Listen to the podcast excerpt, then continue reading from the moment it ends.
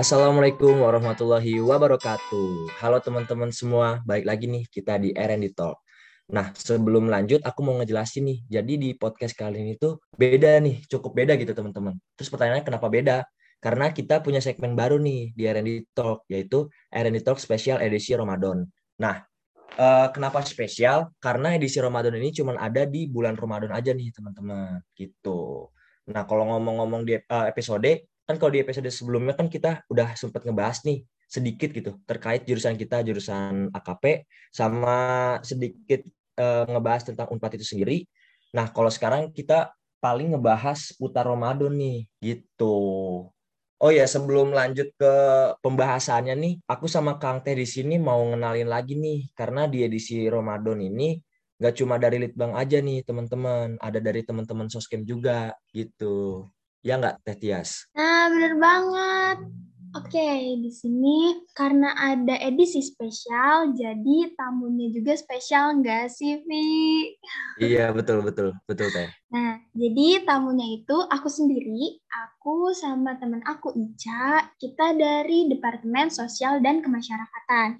Nah, kenapa di sini spesial tuh? Karena Soskem ini pengen um, ngebahas tentang hari-harian di bulan Ramadan itu ada apa aja sih gitu. Terus juga uh, kita juga bakal ngasih tahu sedikit pengetahuan yang kita tahu nih untuk teman-teman pendengar semua. Gitu, Vi. Nah, iya betul. Nah, langsung aja kali ya. Kenalin lagi nih, aku Lutfi. Aku Tias. Halo semuanya, aku Reza Rahman. Halo semuanya, kenalin aku Ica.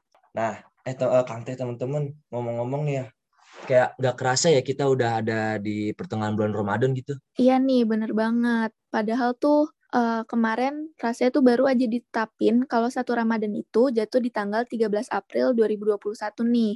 Ditambah lagi ya bulan Ramadan di tahun ini tuh bener-bener kerasa banget kan bedanya?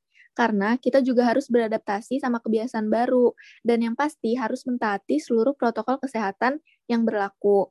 Yang pasti sih tahun ini kita nggak bisa nih kumpul-kumpul kayak di bulan Ramadan seperti tahun-tahun sebelumnya. Nah, aku jadi pengen tahu nih, kalau menurut Akang Teteh sekalian nih, gimana sih perasaannya pas ngejalanin puasa di tahun ini? Hmm, uh, betul deh, kata Ica di bulan Ramadan sekarang tuh agak terasa beda ya gitu dari uh, bulan Ramadan beberapa tahun ke belakang gitu Nah, di mana uh, ketika kita nyambut bulan Ramadan tuh bener-bener uh, kayak rame-rame gitulah gitu. Ada yang pawai obor, terus ada yang kumpul sama keluarganya, ada yang ngerantau tuh langsung pulang kampung gitu, temu keluarganya. Tapi sekarang tuh uh, beda gitu, terasa sedih banget gitu. Karena kan uh, kita masih ada masih dalam kondisi pandemi ya yang mengharuskan kita tuh uh, harus jaga jarak terus tuh uh, jangan bepergian itu tuh harus tetap aja gitu stay di rumah. Terus apalagi kan yang ngerantau ya yang ngerantau itu tuh uh, yang biasa rutinitasnya tuh pulang kampung setiap munggahan. Munggahan itu tuh awal pertama Ramadan. Nah biasanya munggahan itu mereka pada pulang tapi sekarang tuh mereka mengharuskan ya diem aja gitu di tempat rantauan mereka. Kan kerasa sedih banget gitu terus kita juga kan kalau misalkan di Ramadan di bulan Ramadan biasa tuh ada bukber ada ngebuburit bareng terus ada ngaji bareng. Nah sekarang tuh uh, harus dibatasin lah gitu. Dan ini tuh emang terasa sedih banget ya yang tadi aku bilang tapi uh, ini bukan sebagai tolak ukur kita untuk melemah gitu uh, semangat kita dalam berpuasa gitu. Kita harus naikin giroh kita dalam beribadah apalagi ini di bulan bulan puasa Ramadan. Masih banyak kegiatan yang kita bisa lakukan di masa pandemi ini gitu. Bener banget apa kata Reza. Apalagi ya, aku tuh orangnya suka banget buat jalan-jalan. Apalagi kalau bulan puasa ini kan lebih enak untuk ngabuburit ya. Tapi kalau misalkan ngabuburitnya kita tuh di jalanan crowded, orang-orang udah mulai nggak patuh lagi sama protokol kesehatan, aku tuh jadi was-was gitu. Terus juga nih, kalau mau bukber, di mana-mana penuh. Udah gitu, bingung juga. Kan kita nggak boleh berkerumun. Sedangkan tempat yang kita tuju tuh penuh gitu. Nah iya ya, bener tuh dari Kang Kang Reza sama Tetias rasanya tuh beda banget dari tahun-tahun kemarin karena bener-bener adanya protokol kesehatan gitu. Tapi kalau aku sih mau ngasih tahu perbedaan perasaan dari segi umur sih paling Kang Teh. Karena yang aku rasain ya ketika aku kecil gitu sama sekarang tuh bener-bener vibes-nya beda gitu ketika awal Ramadan. Karena ketika kecil tuh aku bener-bener selalu excited gitu di bulan Ramadan. Kayak misalkan dalam hal kayak abis sholat subuh aku jalan-jalan ke mana gitu. Setiap sore tuh ngabuburit gitu. Kayak ngerasa pengen selalu aktif gitu-gitu deh. Tapi kalau sekarang tuh ketika di umur yang sekarang gitu ya, rasanya tuh vibes-nya udah beda banget gitu kayak misalkan temen ngajak ngabuburit rasanya tuh udah males aja gitu karena udah ada tanggung jawab yang di usia segini tuh yang harus dilakukan gitu. Makanya udah rasa vibes-nya tuh dari masih kecil gitu ya masih kecil ketika di awal Ramadan sama sekarang tuh bener-bener beda sih kalau dari pandangan umur kalau dari aku gitu. Nah, kan Lutfi bilang tentang kegiatan-kegiatan dia waktu masih kecil nih. Sekarang aku mau nanya ke Kang Reza, kegiatan-kegiatan apa sih yang biasa dilakuin di bulan Ramadan tuh apa aja sih? Ceritain dong, mau tahu nih. Waduh, kegiatan di bulan Ramadan ya. Nah, seperti yang aku tadi bilang sih, eh, kegiatan-kegiatan di bulan Ramadan ini tuh khususnya tahun ini tuh kan berbeda ya dari tahun-tahun kemarin otomatis kegiatannya pun ada yang dikurangin, ada yang ditambahin karena adaptasi baru. Kalau misalnya kegiatan sih karena sekarang sibuk kuliah juga ya, apalagi kelasnya juga lumayan padat, yang otomatis uh, kesibukan utamanya pasti di kuliah gitu. Terus yang kedua uh, mungkin karena sekarang online ya, otomatis rapat dari segala organisasi itu online ya gitu. Nah yang kedua paling itu aja, yang kebanyakan sih rapat rapat online gitu, yang lumayan menyita waktu sih daripada offline gitu. Karena apalagi belum lagi ada yang pengen terapkan gitu kegiatan itu. Kalau misalnya di kuliah sih itu kegiatan itu, cuman kalau misalkan kegiatan di kampung halaman ya lebih mendekatkan aja sih, lebih menaikkan semangat dalam beribadah. Contohnya kayak ngaji gitu kan kayak ngaji itu juga sekarang alhamdulillah gitu lumayan lumayan jalan lagi gitu karena ya memaksimalkan lah memaksimalkan di bulan ini gitu ngaji terus kalau misalkan lagi gabut paling ngegame kan paling ngegame. Terus paling kumpul sih kumpul sama teman kumpul pun gak kumpul sama orang-orang jauh sih tapi orang-orang sini. Karena ini pandemi kan jadi otomatis orang-orang yang di luar tuh udah balik lagi lah. Udah lama di sini lagi otomatis. Ya teman waktu kecil tuh teman waktu ngumpul kecil tuh uh, ngumpul lagi. Kan itulah ada suatu hikmah yang bisa diambil tuh itu. Jadi teman kita kecil tuh bisa kumpul bareng lagi sekarang. Nah, kita kumpul-kumpul lagi cerita-cerita gimana nih kesibukannya kayak gitu sih. Terus diskusi-diskusi juga itu jalan. Itu aja sih kegiatan khususnya aku di bulan Ramadan ini. Wah, banyak juga ya ternyata kegiatan-kegiatannya. Ngomong-ngomong nih, buat kalian-kalian, karena banyak kegiatan tuh kalian suka tiba-tiba hilaf nggak sih? Kayak misalkan, aduh capek, terus tahu-tahu, ah pengen minum ah, diem-diem tuh udah gitu lanjutin lagi puasanya. Ada nggak nih dari kalian yang kayak gitu?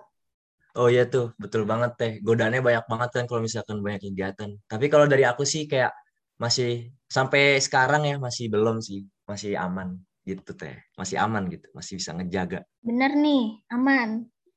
Aman pasti serius aman. Ma belum gitu maksudnya ma masih aman masih ya nggak tahu ke depannya gitu. eh, ini dong mau nanya dong. Sekarang tuh kan banyak kegiatan tuh di rumah ya otomatis ya karena kan online. Nah itu tuh kalau dari aku sendiri ya kalau dari aku sendiri tuh kan diem gitu kan diem di rumah gitu keluar gak keluar rumah. Nah jadi kita tuh capek sendiri gitu capek sama rebahan capek sama tidur.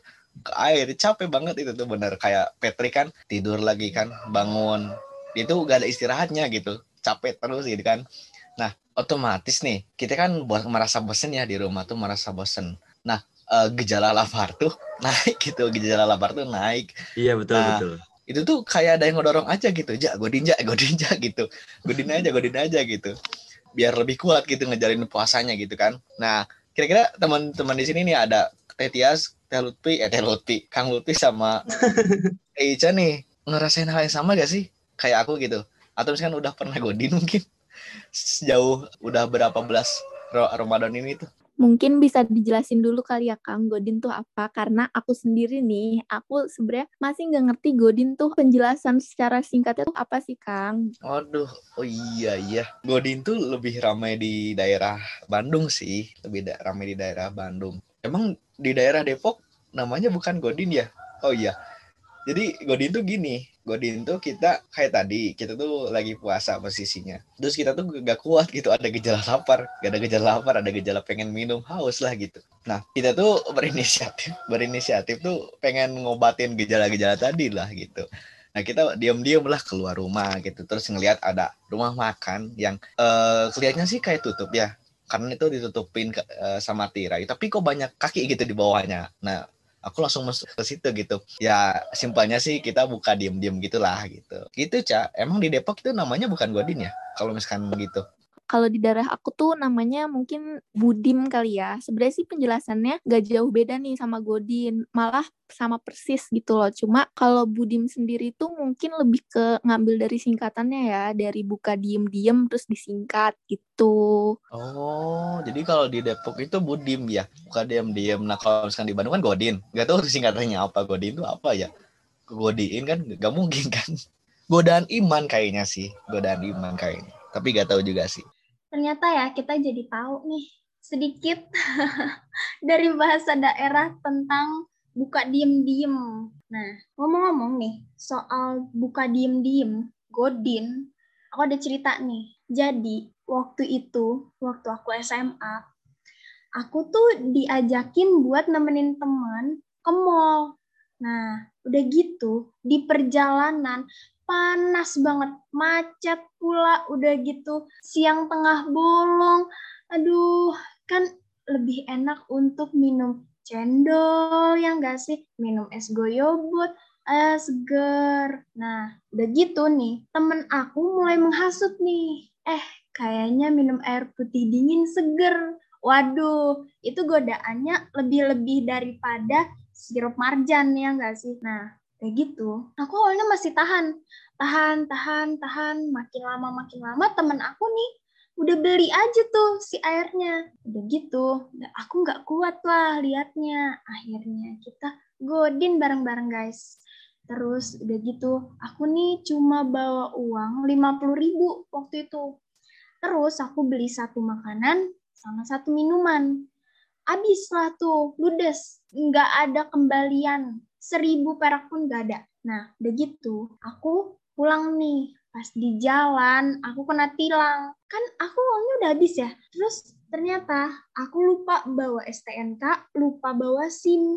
Akhirnya kena tilang dan harus bayar tilang di tempat 150 ribu guys. Jadi tiga kali lipat dari apa yang aku bayarin buat Godin. Kayak azabnya langsung saat itu juga. Ya Allah, ditiru iya ya kadang-kadang tuh aku ngerasa juga bener sih godaan temen tuh lebih lebih ya lebih parah dah gitu-gitu dah. Pokoknya kalau misalnya temen ngajak eh ayo buka buka nih buka diem-diem gitu atau batal gitu kita kayak ngerasa ayo eh gitu. Nah tapi kalau ngomongin soal godin gitu ya kan kalau godin itu kan artinya secara singkatnya gitu membatalkan puasa secara sengaja gitu.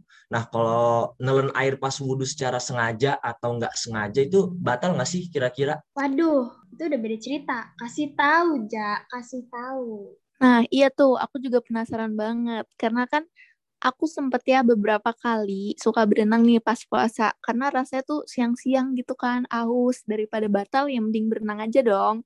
Terus kalau berenang itu otomatis kan suka nggak sengaja ya nelan air dikit-dikit gitu lah ya. Nah, itu tuh batal apa enggak sih? Gimana tuh, Kang Reza? Duh, kenapa jadi pada nanya aku nih gitu? Kan aku bukan ulama gitu, bukan bukan ahli agama gitu. Cuma nih, cuman karena uh, pertanyaan yang ditujuin ke aku gitu ya, aku bisa lah ya, insya Allah jawab sedikit-dikit gitu.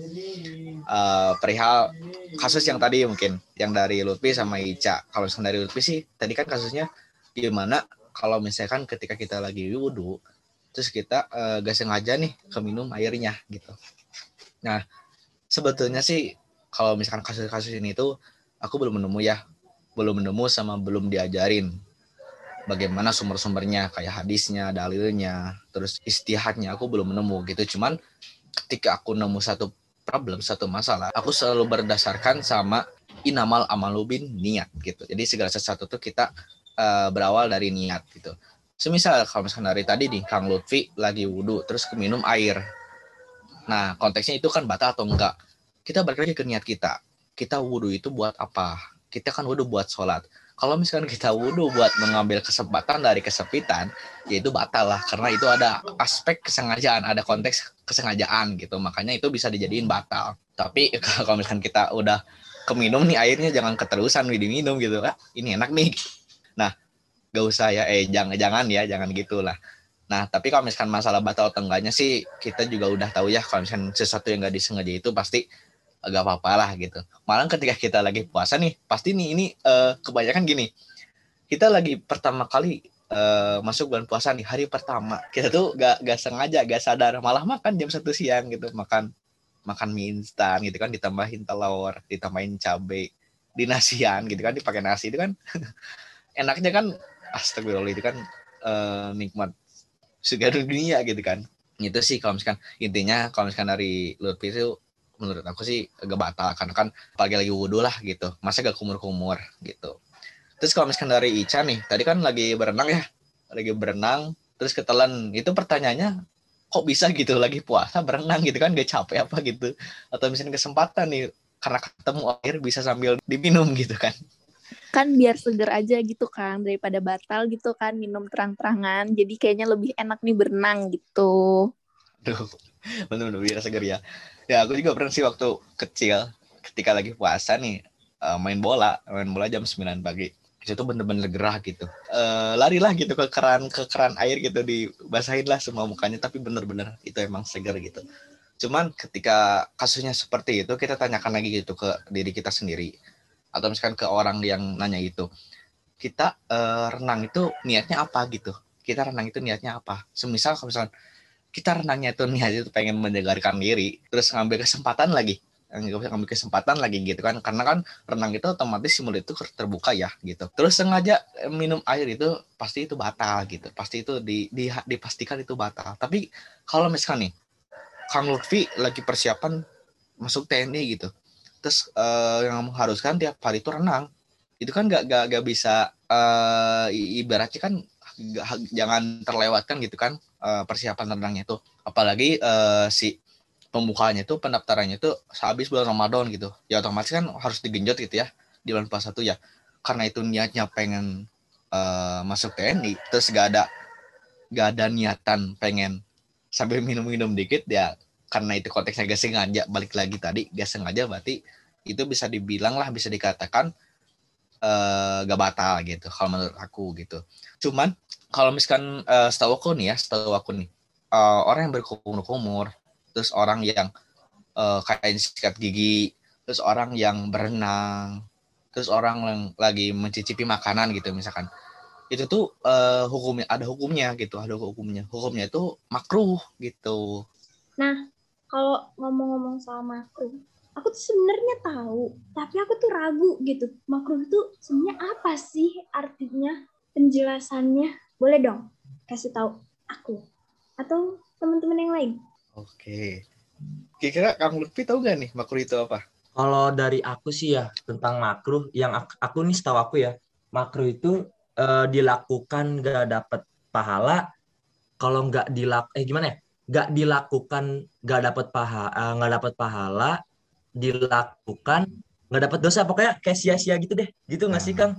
Iya Mungkin Teh Ica nih mau menyempurnakan makruh itu apa? Oke, okay, kalau kalau dari yang aku pelajari nih ya, dan sepengetahuan aku, makruh itu adalah suatu perbuatan yang kayak kalau ninggalin itu lebih baik daripada ngerjainnya. Jadi kalau cara bahasa ya pengertian makruh itu kan sesuatu yang dibenci gitu loh. Apalagi kalau dalam istilah usul fik, uh, kata makruh itu berarti sesuatu yang dianjurkan syariat untuk meninggalkannya, di mana jika ditinggalkan akan mendapat pujian dan apabila dilanggar tidak berdosa nih. Jadi sama aja sih sebenarnya sama apa yang dijelasin sama Lutfi. Kayak misalkan dalam suatu contoh, berkumur dan memasukkan air ke hidung secara berlebihan ketika akan berwudu di siang hari saat Ramadan. Karena dikhawatirkan air akan masuk kerongkongan dan tertelan. Jadi intinya dari makruh itu sih dilakuin yang nggak apa-apa, tapi kalau nggak dilakuin juga nggak apa-apa. Tapi lebih baik ya jangan dilakukan, gitu sih. Ih, mantap. Mantap banget nih dari teman-teman dari Teh Tias, Kang Lutfi, Teh Ica tuh pada pinter-pinter nih agamanya. Subhanallah sekali lah gitu. Apalagi Teh Tias sama Teh Ica nih, aduh penjelasannya sangat-sangat subhanallah gitu. Sangat-sangat menduarkan gitu. Bener ya tadi uh, kalau misalkan yang kolam renang terus yang berwudu ya apalagi yang kubur-kubur itu kan udah dijelasin ya gitu tadi itu uh, makruh gitu si hukumnya tuh ya selagi kita nyantai, selagi kita punya banyak waktu, ya kita mending mending cari aja kegiatan di lain yang sekiranya kita bisa menghasilkan kebaikan gitu kan. Kita tahu sendiri gitu kalau misalkan di Ramadan ini tuh ketika kita melakukan kebaikan, pahala kita tuh bakal dinaikkan berapa kali lipat gitu. Pokoknya maksimalin aja gitu di bagian hal itu. Karena kan kalau misalkan kita makhluk kan tadi dianjurkan untuk ditinggalkan gitu kita lakuin aja gitu kegiatan yang lain misalnya kayak ngaji terus kayak nulis mungkin bisa nulis buku kan itu bisa menghasilkan cuan gitu terus kita juga bisa nonton kisah-kisah nabi terus misalkan nonton uh, kisah-kisah motivasi kita juga bisa menghafal Quran pokoknya banyak lah gitu banyak kegiatan yang bisa dilakukan di bulan Ramadan gitu Nah, kan tadi Kang Reza nyaranin kita buat ngelakuin banyak kegiatan. Terus jujur nih ya, jujur aku sendiri, aku tuh gabut banget. Tapi aku tuh gak mau ngelakuin kegiatan yang berat-berat gitu kayak cuma uh, rebahan di kasur sambil nge-scroll TikTok sampai mentok tuh itu kalau kayak gitu nggak apa-apa nggak sih kayak ya mau ngelakuin aktivitas yang bermanfaat tuh kayak Ih, jujur males banget. Soalnya aku ngerasa kayak cukup nggak sih kalau dari TikTok. Soalnya kan di TikTok ada ustadz online, terus juga ada kayak uh, siapa tuh yang pinter matematika itu terus juga ya banyak lah banyak ilmu-ilmu juga sih sebenarnya yang kita dapat. Ya nggak sih? Setuju nggak sih kalian? Setuju setuju. Bener-bener aku ngerasa kayak ya kalau dari aku ya kalau misalkan pertanyaan teh Tias mungkin buat scroll scroll TikTok itu menurut aku boleh aja sih asalkan di waktu yang tepat gitu. Jangan di waktu yang apa ketika uh, seharusnya buat sholat gitu malah dipakai buat scroll TikTok gitu jadi uh, bisa menempatkan lagi waktu buat scroll TikTok. Dan kalau misalkan buat scroll TikTok gitu mungkin boleh aja sih karena kan banyak banget nih di media sosial apalagi di TikTok kan ilmu-ilmu gitu pengetahuan yang baru terus kayak tips and trick gini gitu-gitu dah segala macam asalkan jangan kayak misalkan ngeliat cewek yang menawan cowok yang keren gitu-gitu ya itu di skip skip aja karena itu bisa memacu uh, apa ya adrenalin masing-masing gitu. Ya yuk kalian tau lah gitu. Kalau dari aku sih gitu paling. Gitu ya. Berarti ini tuh Teh Tias nih sebagai cewek berarti orang tergabut ya kalau sudah di bulan puasa. Kira-kira nih Teh Teh Ica nih kira-kira kan sama-sama cewek nih eh, kira-kira sama gak sih kegiatannya sama Teh Tias apa misalkan Teh Ica tuh lebih rajin? Kayak masak tuh udah start dari jam 9 pagi misalkan. Itu masak buat catering ya. Itu kayak lebih masak buat buka siang-siang kali ya kalau jam 9 betul. Kalau buat sore sih udah dingin ya udah nggak ada rasanya gitu. Kalau aku sendiri sih nggak jauh beda ya sama Teh Tias karena aku juga bingung banget apa yang harus lakuin. Jadi ya enakan sih terbahan tidur-tiduran buka TikTok, buka IG, itu aja sih paling. Hmm, jadi sama-sama gabut gitu ya. Nah ternyata gitu ya, survei menunjukkan gitu, gak, gak hanya cewek gitu yang suka main IG, suka main TikTok. Bahkan aku sendiri ya, sebagai penikmat juga gitu di, di TikTok, di IG itu. Nah bagi lagi nih, tadi bener kata Kang Lutfi gitu, kalau misalkan kita boleh aja kalau misalkan scroll TikTok, scroll IG gitu, cuman lihat aja substansinya gimana. Kalau misalkan uh, kita nonton TikToknya itu yang yang joget-joget itu kan yang kan revolution gitu kan itu kan? Kayak mengacu kita gitu mengacu menggoda iman kita gitu kan? Betul betul betul. Nah beda lagi gitu misalkan kalau kita nonton TikTok itu kan kebanyakan video-video motivasi video-video kajian kayak gitu. Nah tapi sih ngomong-ngomong uh, sedikit ini nih uh, kalau misalkan aku ya aku sendiri nih setiap masuk Ramadan tuh pasti keingat suasana tuh suasana waktu kecil gitu. Jadi aku tuh kayak terjebak di romantisme masa lalu gitu. Kayak misalkan dari subuh dari sahur nih subuh tuh kita janjian saat di masjid gitu. Dan janjian itu bukan bukan buat ibadah tapi buat main gitu udahnya itu. Jadi kita tuh full day gitu main di pada subuh sampai jam 5 gitu. Nah dari pada subuh tuh kita kayak muter-muterin desa gitu muter-muterin kampung gitu kan. Pokoknya matiin lampu rumah tetangga gitu kan. Wah itu seru banget itu kebiasaan masa lalu tuh. Terus siangnya kita kayak uh, nggak maling jambu gitu kan maling maling belimbing itu kayak kegiatan-kegiatan di masa lalu yang benar-benar kerasa banget gitu feelnya sekarang tuh. Kayak sedih gitu zaman lalu tuh. Masa lalu tuh oh kok gini amat gitu kan. Jadi pengen gitu kayak masa lalu lagi. Terus dimulai pada asar nih kita ngabuburit ke alun gitu ngabuburit ke alun bawa uang tuh sama semua lima ribu lima ribu lima ribu gitu. Pokoknya semuanya lima ribu. Nah yang uniknya lagi jajan tuh bukan beda-beda gitu. Ini mah malah seragam semuanya gitu. Kan kita kan mikirnya kalau bisa tuh beda-beda gitu ya biar biar saling nyicipin gitu. Ini mah sama semuanya. Beli cakwe semuanya cakwe beli pop es semuanya pop es. Itu tuh benar-benar sama gitu semuanya. Itu benar-benar kejadian yang uh, emang tadi aku bilang kan kayak kangen gitu ke masa lalu. Terus pas uh, pada tarawehnya gitu. Kita tuh taraweh tuh kan sholat isya dulu ya, sholat isya dulu empat rakaat terus dilanjut taraweh gitu. Tapi kalau sih aku tuh dulu udah sholat isya tuh gak lanjut taraweh gitu. Jadi pelan-pelan gitu kan nyelinap ke belakang, ke paling belakang. Terus kita kabur gitu dari masjid gitu. Ah itu bener-bener seru lah gitu. Apalagi waktu masuk sebuah hari terakhir Ramadan gitu kan. Yang suasana itu bener-bener kerasa banget itu bulan Ramadan. Oh ini gitu bulan Ramadan terus pas malam takbiran kita kan kayak uh, perang sarung terus kan kayak main tuh bener-bener sampai tengah malam gitu sampai nginep di masjid malam itu bener-bener full day gitu sama teman-teman gitu. Itu sih yang paling kerasa gitu di bulan Ramadan gitu yang aku kangenin di waktu kecil gitu. Kira-kira nih dari teman-teman dari Tetias dari Kang Lutfi Taicha nih ceritain dong gitu uh, semasa kecil kalian jadi pengen tahu juga gitu aku gimana sih semasa kecil kalian waktu di bulan Ramadan gitu. Kalau aku waktu kecil aku tuh orangnya apa ya nggak dendaman tapi kesel gitu. Kalau ngelihat orang ngelewatin aku tapi ngeliatin itu yang kayak ya apaan sih nih bocah gitu sumpah aku kesel banget terus udah gitu kan kayak uh, apa ya bapak-bapak tuh mau pada ke masjid gitu mau bapak-bapak ibu-ibu gitu kan. Pokoknya ya siapa aja deh yang ngeliatin aku kayak gitu aku tuh kesel. Terus udah gitu aku main petasan nih sama temen-temen aku. Petasannya petasan banting sih. Terus kalau misalkan ada bapak-bapak yang lewat ngeliatin aku sinis gitu terus aku lemparin aja petasan terus udah gitu ya dia kayaknya mau marah tapi ya mikir kali ya oh ini anak kecil ya udah biarin gitu kayaknya sih. Tapi ya udah dari situ udah deh aku tobat nggak nggak nggak lagi kayak gitu sampai aku juga nggak nggak lagi ikut taraweh di masjid. Oh itu tobatnya kayak gitu ya? Tobatnya sampai iya. kayak ikut taraweh di masjid? Sebenarnya salah sih aku tahu ini salah. Tapi ya mau gimana lagi ya.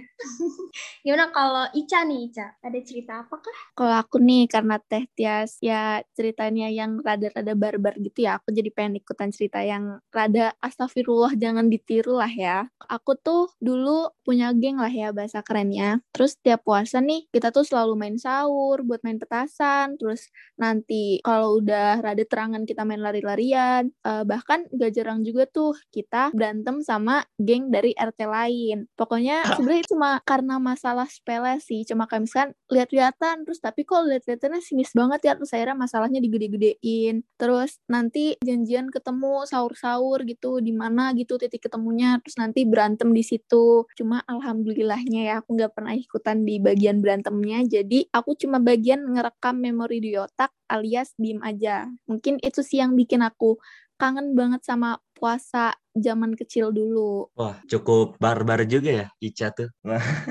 nah, kalau dari aku sih paling uh, sama hampir sama sih kayak Kang Reza gitu.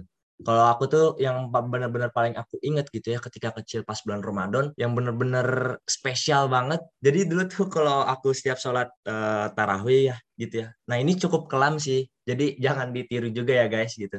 Nah aku tuh ketika sholat tarawih tuh karena masjid aku kecil uh, terus yang sholatnya juga lumayan rame gitu ya. Makanya aku uh, sampai luar-luar gitu. Dan aku dari awal juga udah nentuin mau sholat yang bagian luar tapi paling depan gitu. Kenapa gitu? Karena ketika aku mau menjelang sholat uh, bagian sholat witir gitu ya. Nah ketika pas sujud nah itu aku kabur sama temen-temen kenapa kabur? Karena emang aku tuh kalau setiap puasa tuh emang nyari musuh mulu gitu ke kampungan lain. Jadi misalkan nih habis uh, pas sholat terus sujud kabur kan sama teman-teman yang lain nah itu aku kabur langsung nyari uh, musuh gitu ke teman-teman yang lain, ke kampung lain, negosiasi. Ayo kita perang sarung gini-gini gitu. Terus kalau udah perang sarung ya gitu. Uh, prinsip aku tuh sama teman-teman kayak pantang pulang sebelum menang gitu. Cukup kelam juga sih kalau masa kecil aku. Oke, okay, uh, sebelum penutupan nih teman-teman, aku sih paling kayak uh, mau ngambil hikmahnya dari obrolan yang berlangsung kali ini ya. Aku tuh ngerasa bener-bener yang tadinya aku nggak tahu jadi tahu gitu. Yang tadi bener-bener bener kata siapa gitu tadi um, ragu terhadap uh, makro tuh definisinya seperti apa sih?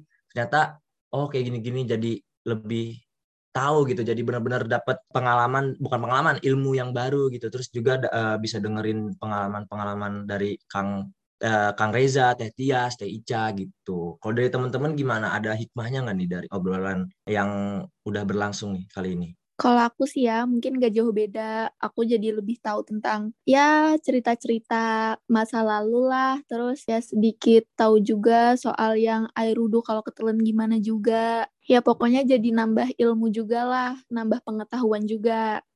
Bener banget ya dari pembicaraan tadi itu meskipun kita pembicaraan yang ada ngidur, tapi seenggaknya kita bisa dapat hikmahnya gitu. Kita bisa mendapat ibroh. Kita bisa memetik gitu. Satu mungkin beberapa ilmu yang sekiranya teman-teman pendengar uh, di sini tuh oh ternyata gini ternyata gini gitu. Kalau dari aku sendiri sih ya yang ngedengar gitu tadi dari uh, percakapan teman-teman di sini nih di sini uh, ada banyak sekali hikmah gitu yang bisa kita ambil. Contohnya pertama nih kita uh, kayak di reminder gitu di reminder. Kalau misalkan bulan Ramadan tahun ini tuh kayak banyak cobaan gitu, banyak cobaan.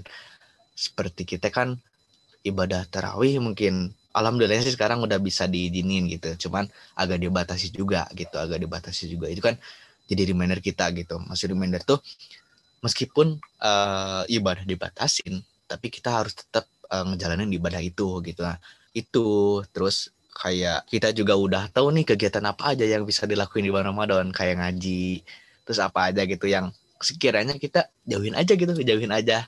Kayak misalkan uh, berenang gitu kan. Berenang itu kayaknya uh, kan tadi udah dibilang ya makro. Nah kalau bisa bisa mungkin sih kita ubah aja jam renangnya atau misalkan kita undur aja jam renangnya gitu. Banyak juga kan tadi kegiatan yang bisa kita lakuin. Ini juga sebagai satu beberapa rekomendasi mungkin buat teman-teman pendengar di sini gitu. Terus kita juga tahu nih istilah-istilah tentang godin terus tentang buka diem-diem lah gitu kan kita juga tahu misalnya bedanya. Ternyata Godin itu uh, yang tahu cuma daerah Bandung tapi daerah Depok dan daerah sebagainya Jabodetabek itu taunya Budim. Atau misalkan ada juga yang daerah Jawa misalkan itu beda juga bahasanya. Kita juga kan lebih tahu juga. Misalkan kayak misalkan nanti Kang Lutfi nih mau ke daerah Depok Lutfi langsung bilang hey Godin yuk kan nanti orang Depok pada bingung ha Godin apa? gitu. Gak mungkin kan disuruh ngedengerin podcast ini kan terlalu lama gitu kasihan itu terus kita juga udah uh, mengenang gitu romantisme masa lalu gitu kayak tadi kan masa kecil kita kayak gimana aja gitu itu sih hikmah yang sekiranya aku bisa ambil gitu dari podcast kali ini gitu. Waduh, alhamdulillahnya ya kita bisa mengambil hikmahnya, mengambil pelajarannya. nah, kalau dari aku sih ya aku juga nggak beda jauh lah ya dari kalian. Aku juga dapat cerita tentang masa lalu kalian, tentang kegiatan-kegiatan kalian yang sekarang dilakuin apa gitu. Terus juga uh, benar kata Reza juga dapat sebuah reminder ya. Dan masih banyak lagi lah pokoknya hal-hal positif yang bisa diambil. Nah, BTW, ini kita kan udah mau di ujung acara. Aku sama Ica dari Soskem uh, mau ngucapin banyak-banyak terima kasih kepada uh, Litbang, khususnya Lutfi sama Reza, udah ngizinin kita nih untuk bergabung dalam podcast kalian. Makasih banyak. Um, makasih juga atas sharing-sharingnya lah ya. Semoga di next podcast bisa lebih lebih apa ya? Bisa lebih uh, lebih bermanfaat lagi gitu Lutfi. Wah iya, sama-sama teh, sama-sama banget nih dari kita, dari aku juga, dari Kang Reza, sama dari teman-teman Dikbang, juga ngucapin juga terima kasih buat teman-teman Soskem, khususnya Teh Tias sama Ica, karena kita bisa saling bertukar pendapat kah, saling bertukar pengalaman gitu. Yaudah mungkin kali ini kita tutup aja ya kali Teh Kang teman-teman.